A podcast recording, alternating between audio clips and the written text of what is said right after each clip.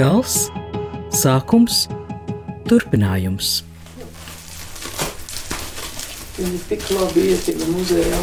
Vienkārši esmu sajūsmā. Es vienmēr iemīlos tehniskajos darbībos, ja viņi ir uz savas uzmanības augstumā. Esiet sveicināti! Māksliniece Ieva Jurjāna. Šobrīd gatavojas izstādē Gals sākums turpinājums, kas no 6. novembra būs skatām Daugopilī Marka Rotko mākslas centrā. Dinam no iepakojuma plēvis ārā jau reiz 2018. gadā Latvijas Nacionālajā Mākslas muzejā notikušajā izstādē parādītos darbus. Tie ir sirmgalvi, zīdaiņu portreti, augu un putnu zīmējumi.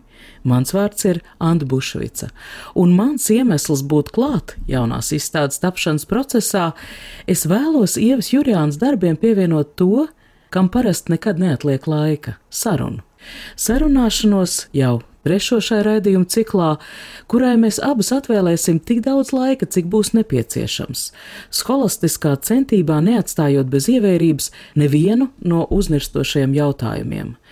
Saruna, kas būs pamatīga, kā Ievas Jurjānas izstādes iecerēja pieteiktais nodoms - veikt pētījumu, kas ir dzīve. Mūsu līdzinājā sarunā Ieva Jurjāna vairāk kārtīgi, taču ik reizi it kā šauboties, meklē savus izstādes gals sākums iecers izteks avotu.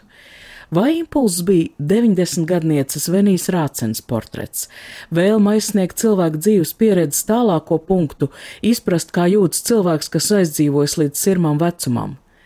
Bet varbūt atklāsme bija tieši zīdaiņu portreti, mazo sēņu, vecišķais viedums, kas tikai dzīves tālākajos mēnešos pārtop bērnišķīgi eņģeliskajā apaļumā. Šodien darbnīca Antonijas ielā pie sienām atkal jauni divmetrīgi zīmējumi, un tie ir mirušu putnu un sēriju veidā atkārtoti augu botāniskie zīmējumi. Un mēs atkal sarunu sākam par aizsākumu. Pirmie putniņi ir gleznoti vismaz kaut kādus deviņus gadus jau sākot ar pirmo. Un uh, aizsākums ir drīzāk tādas uh, dienas grāmatas tipa mazi zīmējumi, ko es sāku priekš sevis gleznot, kā tādus atradumu nospiedumus.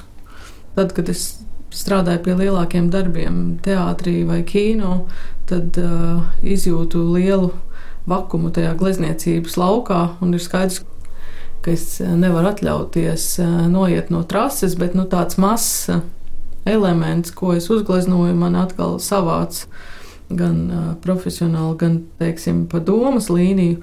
Vienkārši tvēru to, uz ko mana uzmanība katru dienu nofokusējas, un tie bija mazi elementi, ko es gleznoju, un viens no tiem elementiem bija laukos mazs nokritis putniņš. Un pēc tam mūsu mājās iebrauca draugu kompānija, un tur bija viens ornitologs, viņš ar interesi apskatīja to gleznojumu un noteica sugu uzreiz. Mani gandarīja tas, ka tas ir pietiekoši atpazīstami. Un tur man aizgāja vesels stāsts par putnu līniju, kas man bija jāzīmē bērnu grāmatai un arī sadarbībā ar to ornitologu. Bet par tiem putniem, kas uh, sāka man pievērst uzmanību, nokrituši uz zemes, man uh, tiešām likās, ka tur ir kaut kas zīmīgs, par ko man ir jādomā. Ja tas, ko mēs dabā esam ievērojuši, kā mazu punktu debesīs, ko mēs nevaram noķert, bet kam mēs ar acīm labprāt sekojam. Un tad tas pēkšņi atrodas tur zālē, un tas ir tik filigrāns un skaists, un beidzot es to varu aplūkot, novērtēt, Man liekas, ka man to jānovērtē. Tas tiešām bija tā apmēram, nu, ka bērnībā bērni visi gandrīz atrod tos mirušos putniņus. Mēs, piemēram, bērnībā tās zīlītes vai zvirbuļus vai ko mēs atradām, likām tēva jūra cigāru kārbās un apbedījām tur brīvdabas muzeja teritorijā. Viss bija diezgan cienīgi. Un tad es kaut kā ar jaunu skatienu uz to paskatījos jau pieaugusi, ka tā arī tāda līdzība ir tas mirušais putns. Un bieži vien viņš aiziet bojā tieši manis dēļ, jo es esmu viņa ceļā uzbūvējusi māju ar logiem. Un, un tur viņš ieskrien, un tāpēc tāda paklanīšanās no manas puses.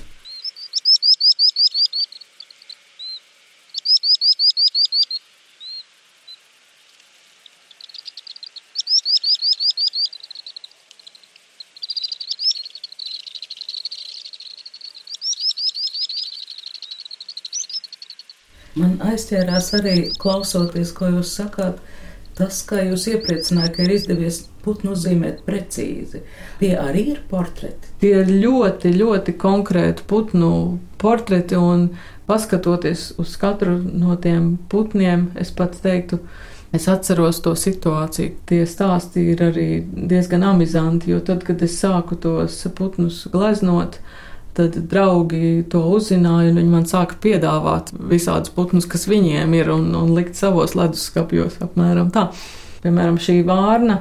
Es biju pie draudzenes choreogrāfas Selīnas Lutas uz dzimšanas dienu, un, un tur pagalmā bija grēcošas vārnas, un izrādījās, ka viens uh, no viņu ģimenes e, guļ zālē, un Dzudzilo pāris to jau bija priekš manis pamanījuši un, un ielika kaut kādā kastē, un citi viesi atkal paspēja to kastu ielikt e, miskastē, un tad es gāju uz to miskastu pēc savas kastes, pēc savas vārnas, jo man vispār vārnas liekas ļoti interesanti putni. Viņas ir tik gudras un uh, smieklīgas, un pilsētā viņas vienmēr aizķer manu aci, jo kaut kas ir knābīgi, kaut kas ir spožs, kaut kas ir tāds aizraujošs, ir tā vārnu dzīve. Kad to glezno, nāk prātā dažādas situācijas, kur tie putni ir konkrētās pasakās vai teikās vai mītos, jo arī tie septiņi kraukļi, kas salcerīti apsargā, vai tas kovārņu mākonis Van Goga gleznā Tas ir kaut kas spēcīgs. Un savā veidā katrs tas putns, kamēr es viņu gleznoju, līdzīgi kā augu elementi, ir tā tāds man mazs eksāmens konkrētajā tēlā. Es atceros, kas man ar to saistās, un tā kā pati iekšēji ar sevi izdiskutēju, kāda ir man pieredze par to radījumu. Un, tā kā tāda gan acu muskulatūra, gan tāda iztēles muskulatūra sanāk. Jums nemulsina tas, ka neviens no tiem putniem nav dabīgā pozā. Neviens neturās pie zemes vai nelido. Nu, līdzīgi kā cilvēkus, es viņus izrauju ārā no, no tās sadzīviskās realitātes, un viņi jau kļūst par eh, tēliem, par kaut kādu līdzību, par kaut kādu stāstu. Jo, piemēram, tie divi dzeņi, kas ir eh, dažādu sugu, viens ir dižraibais un viens eh, vidējais dzenis. Es viņus atradu vienlaicīgi laukos uz terases. Kas to lai zina, kāds konflikts viņu starpā bija un par ko viņiem bija jācīnās, un ka viņi reizē tur bija aizgājuši bojā. Viens ir jaunais putns, man teica ornitologs, Nu, tur ir smalkas lietas.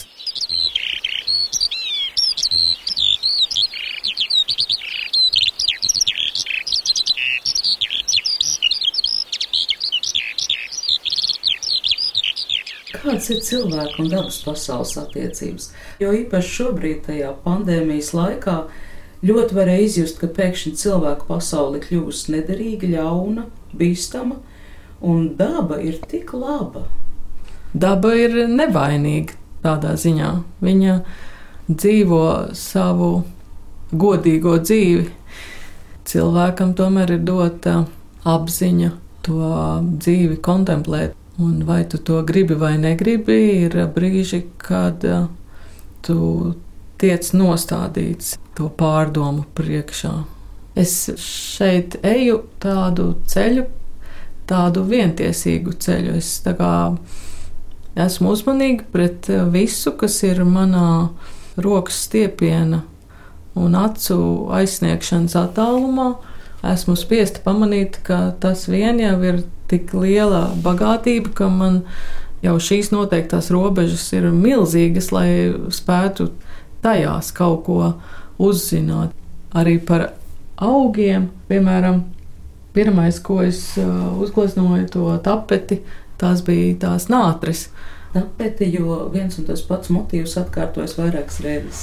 Jā, es tās jā, arī nosaucu par tapetēm, un tas jau, protams, tā ironiski. Man nekas nebūtu pretīm, ja tādas arī būtu puķu tapetes. Bet, nu, piemēram, nātre, kas ir ārkārtīgi izteiksmīgs un skaists augs, un tad, kad laukos kaut ko ravē, tad uh, nātru saknes tās ir kaut kas kolosāls, tās resnās, dzeltenās saknes, viņas ir nu, tik stabilas.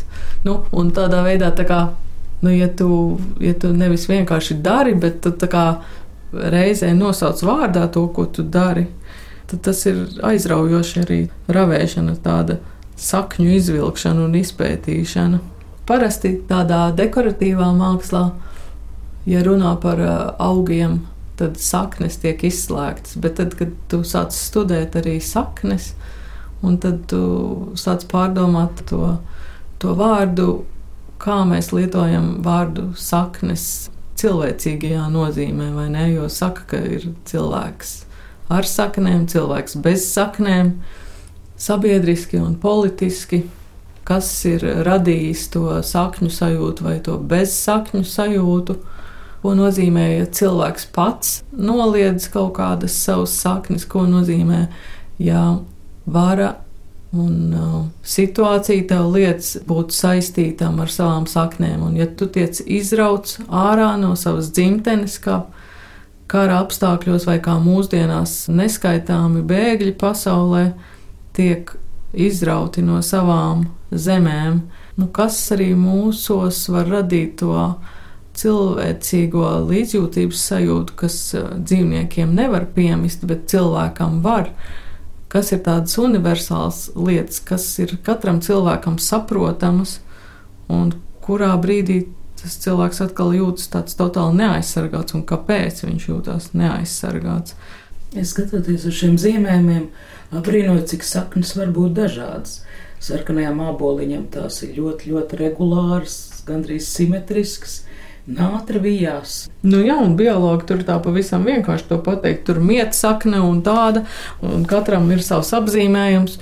Taču tajā atslēgas teikumā brīnišķīgajā, ko man eh, hipnotiski acīs skatoties, eh, skaitīja bisenieks no gētes, it visa nīcība ir tikai līdzība, Un tad es šo kā tādu mantru skaitot katru to objektu, gleznojot, domāju, kas tad ir šī līdzība. Jo tā ir, tikko tu uzskatīji putnu vai augu, domājot, ka tā ir tikai līdzība, tad tiešām attiecībā pret cilvēka dzīvi tu vari ļoti daudz ko priekš sevis noskaidrot, ja tu velti tam laiku.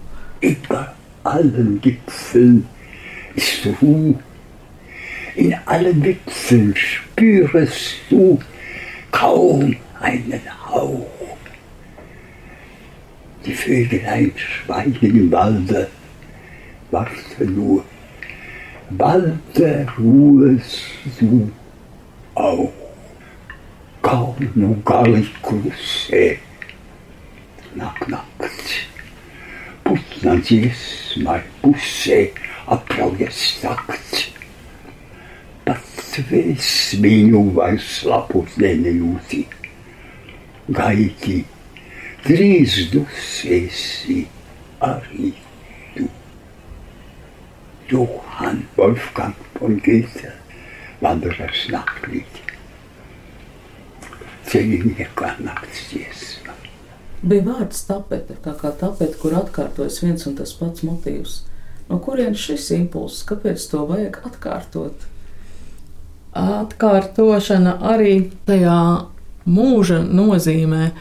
Man likās, ka daba ir tā tāda skolotāja, kas nepārtraukti atkārto, un kad skolotājs tev kaut ko atkārto, tu saproti, ka viņš tev grib kaut ko iemācīt. Un es domāju, vai mēs no dabas kaut ko mācāmies, jo cilvēka dzīve ir tiešām tā kā piedzimšana, augšana nobriešana, novecošana, nāve. Tas ir tas, par ko mēs varam būt pilnīgi droši. Dabā mēs redzam, ka tas notiek sezonāli, un mēs to visu laiku vērojam mūža garumā. Vai mēs no tā kaut ko vairāk saprotam par savu dzīvi? Vai tiešām cilvēks paliek ar vien labāks ar katru paudzi un ar civilizācijas attīstību, vērojot to, kas notiek ar dabu, ko viņš turpina ietekmēt un ar ko mēs sadarbojamies. Tiešām es pilnīgi tādā naivistā skatījumā to cenšos piefiksēt. Man uh, likās kolosāli, ka izstādes atklāšanā manai kuratorei Ievai Kalnačai bija atnākusi draudzene, kas ir uh, matemātiķe, un viņa tieši stāvot pie tām uh, augu bildēm teica, ka tā ir absolūti matemātika, tā ir pilnīgi matemātika. Un tas man likās kolosāli, jo tā, tā visa simbioze, kas ir iespējama, tur acīm redzot notiek. Jo man liekas, ka pareizi ir tad, māksla var notikt tad, ja tu radi kaut ko tādu, kas katram pasaka priekšā kaut ko citu.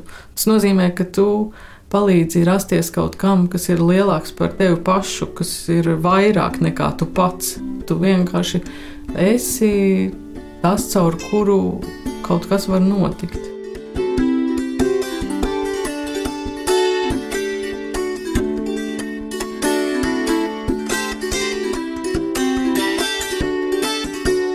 Tiem pumpuriem, piemēram, visi gaida to pavasari, bet principā pavasara jēdziens nav definējams, jo izplaukst tie pumpuri, un tas ir viens mirklis. Un mēs, kā cilvēki, kas dzīvojam stipri pavirši, īpaši pilsētā, mēs nekad nevaram pamanīt, kā tas pumpurs top par lapu. Nu, tad es arī sevi vienkārši piespiedu apstāties un paņemt dažus zarus un uh, cieši uz tiem skatīties un skatīties uz tiem tieši savā dabiskajā, pieejamajā ātrumā. Nevis kā ir daudz brīnišķīgi video pieejami, kur pātrināti ilgā laikā filmējot atklāts, kā atverās pumpurs vai zieds. Ja mēs paļaujamies tikai uz savu redzi, ko mēs redzam un ko mēs varam ieraudzīt, Es vienkārši domāju, ka mēs ļoti apzogam uh, sevi vairs neusticoties savām acīm, ka mēs visu laiku kaut ko fotografējam, kaut ko uzbāžamies citiem ar saviem attēliem. Tā ir milzīgs, teiksim, tāds jau personīgās um, teritorijas aizskārums, manuprāt. Tas ir aizgājis tādā totālā pašplūsmē, vairo milzīgu paviršību. Un vienkārši nu, man uh, likās, ka ja es pati sevi uz to piespiedīšu, tad es atklāšu kaut ko numur viens vispirms priekš sevis, un varbūt kādam vēl tas var būt vajadzīgs.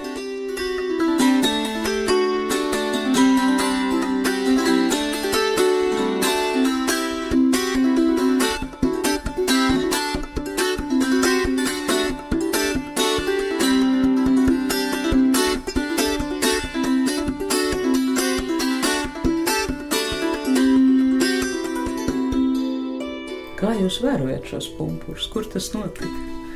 Kā pareizi skatīties uz pumpuriem? Es mežā skatījos, kas ir īpašs, kam ir izteikta forma, kas pieķer manu aci. Un tad es to zaru atnesu mājās un noliku baltu fonu aiz muguras. Tad es vienkārši viens pret vienu mērogā to lēnām gleznoju, kādas pāris dienas, un ja tajās pāris dienās ir, nu, ja runa par tiem mazajiem, mazajiem pumpuriem, un tajās pāris dienās ir mega izmaiņas vienkārši. Un tad, kad tu skaties tajā pumpurā, tu arī nevari nedomāt par to līdzību, par to ārkārtīgo kapacitāti. Nu, kā tas ir iespējams, ka tajā ļoti mazajā objektā slēpjas tā lapa, kur viņi tur var būt? Iečunčuroties. Nu, kas tas ir, kas tas par materiālu? Jo tad, kad man ir uh, uz skatuves jārada no nekā, nu, ka kaut kāds brīnums, tad tas viss ir tik ārprātīgi grūti. Nu, sākot ar putnu operas to puķkāpos, no kura vajadzēja izziedēt tiem ziediem. Tad, kad to kaut kādā bezmiega naktī izdomā, tas viens brīdis ir tev tāds laimīgs, tu saproti, o, oh, tur uzplauks tas puķkāpos tā kā tāds milzīgs kaktus. Un tikko tu esi spiests sastapties ar materialitāti, tad tu saproti, kā, kādu zīdu, kādu visplānāko papīru, kas nesaplīst, tu vari saspiest maziņu, maziņu, un tad viņš tev skatuviski parādās liels un spēcīgs un košs. Un ar tādām lietām, teiksim, skatuves mākslā ir daudzkārt jāsastopas par to, kā no kaut kas rodās. Un, nu, kad glezno to dabu, tad tu vari domāt par tiem pašiem jautājumiem.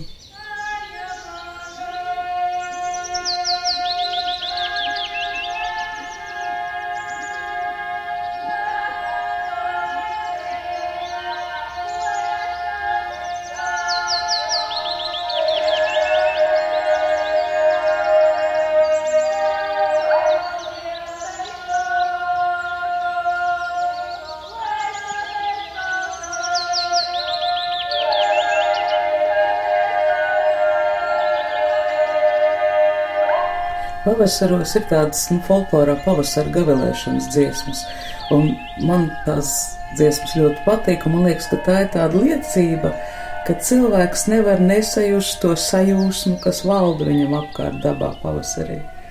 Jā, jā, jā, tas tā ir, ka tikko tu sastopies ar to visdzīvāko, to tīro, burbuļojošo strautu, tur jau arī tev jābūt kaut kādam akmenim, lai tu nepaliktu līksms. Nu, man arī liekas, ka tas bērna prieks, kas rodās katrā, katrā nīgrajā cilvēkā, nu, sastopoties ar to visvientiesīgāko, vislabāko, nu, tad, tas ir tas pavasara prieks.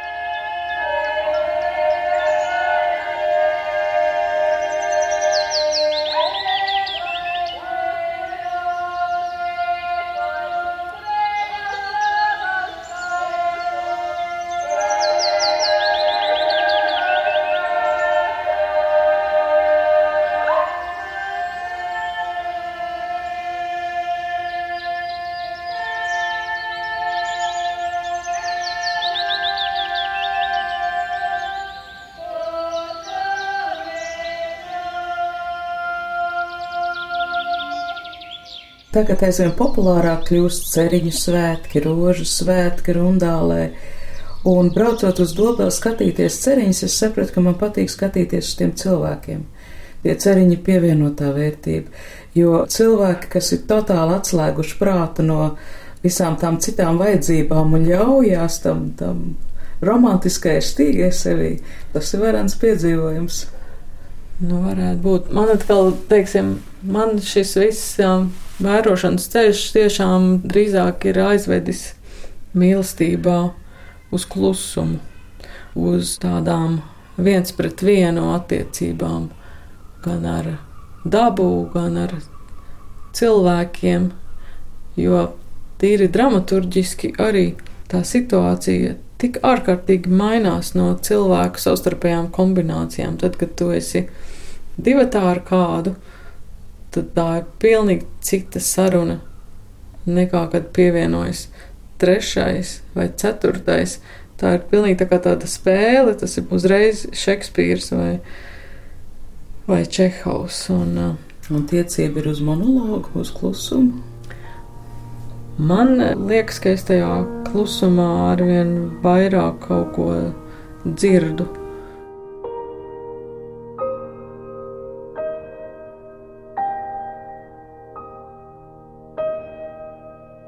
Pēters Vasks, klusuma auglis.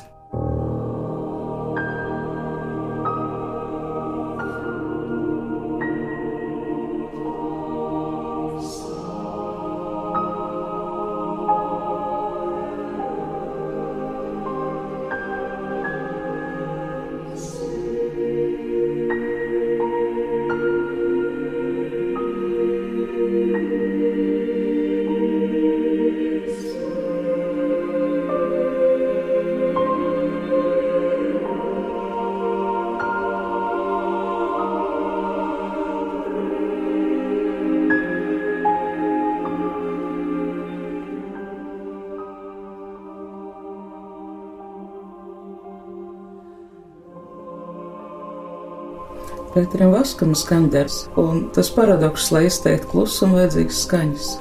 Nu, mūzikas skaņa darbi, viņi jau nevar bez tām pauzēm, un tad tāda mīkla ir īstenībā, nu, ka iespējams ir jārada vispirms tā skaņa, lai cilvēks dzirdētu klusumu, jo tikai uz kontrastu principa viņš spēja kaut ko uztvert.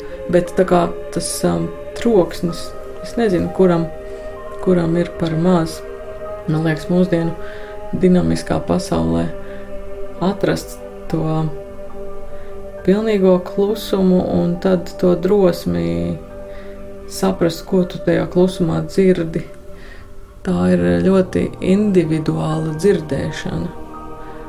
Un, un tāpat kā tā individuālā skatīšanās, manuprāt, ka cilvēki jāiedrošina uz to, ka tu drīksti un ka tev vajag mācīt palikt vienam un um, dzirdēt savas domas un uzticēties savām acīm un savām ausīm, jo tikko tu to sāc novērtēt, tad tu pamani, ka īstenībā šie talanti, dzirdēt, redzēt, dzirdēt, redzēt, un, un dzirdēt, redzēt, un taustīt, un viss, tie arī ir attīstāmi un izrādās, ka tiešām visiem nemaz nav tādas iespējas. Nu, tu sāc pret visu kaut kā jūtīgāk izturēties. Un vispār cilvēks tam ir radīts, kāpēc viņš atteiktos no tā.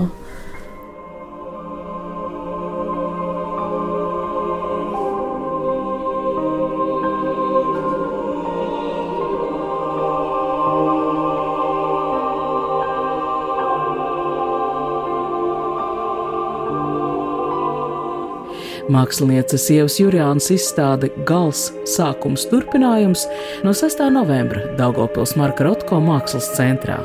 Šajā raidījumā skanēja tradicionālās dziedāšanas grupas saucējas gavilēšanas dziesmas, putnu balses, Laims Jansons kokle, Pēter Vasks skaņdarbs klusuma auglis Latvijas radio koru izpildījumā, un šo raidījumu veidoja Anda Bušvica, skaņoperators Valdis Raitums. Turpinājums sarunai ciklu nākamajā raidījumā jau pēc nedēļas uz tikšanos.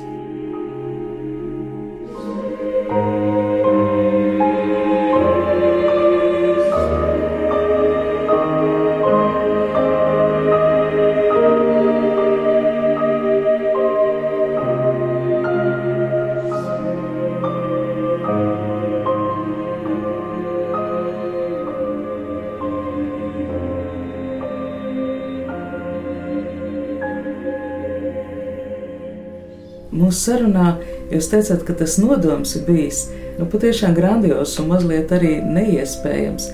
Sarunājoties ar simtgalviem, saprast, kas ir dzīve, kas ir tā dzīves esence.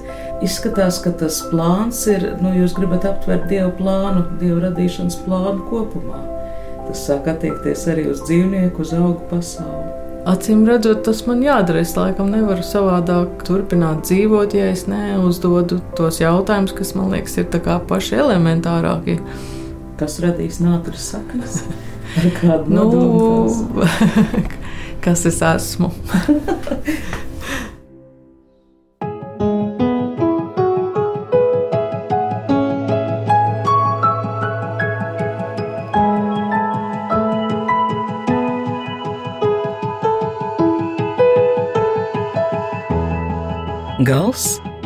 sākums, turpinājums.